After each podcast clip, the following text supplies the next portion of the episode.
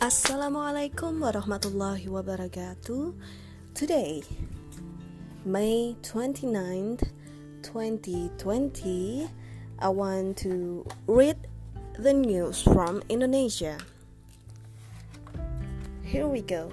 The news I take from jakartapost.com. The title was 5% of Indonesia's COVID 19 cases are children.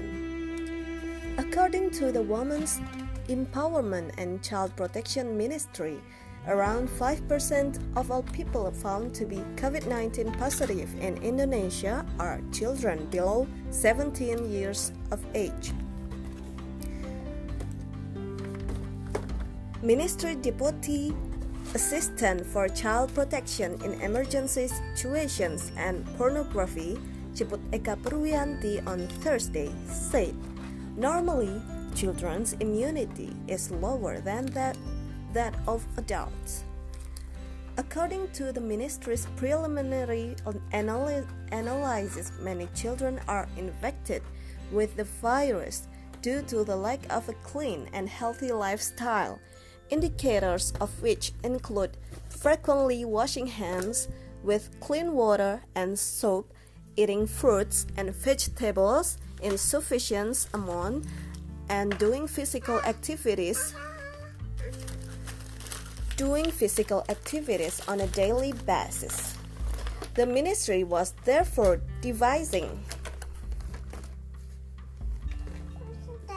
The ministry was therefore devising as protocol for implementing the so-called new normal at schools to prevent the further spread of the coronavirus among children, Ciput said.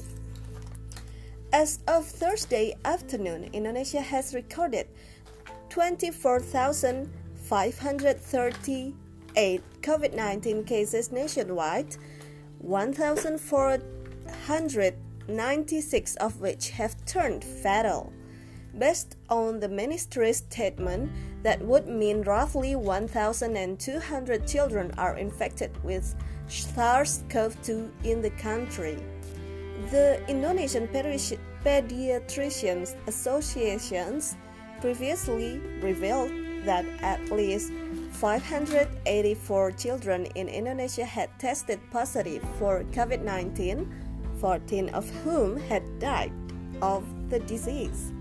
Meanwhile, up to 3,324 children have been classified under the PDP status, which refers to people with COVID 19 symptoms who have not been com- confirmed as having the illness.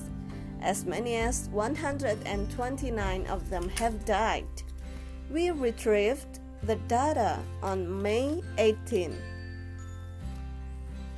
IDAI Chairman Aman Bhakti Pulungan told Kompas.com last week.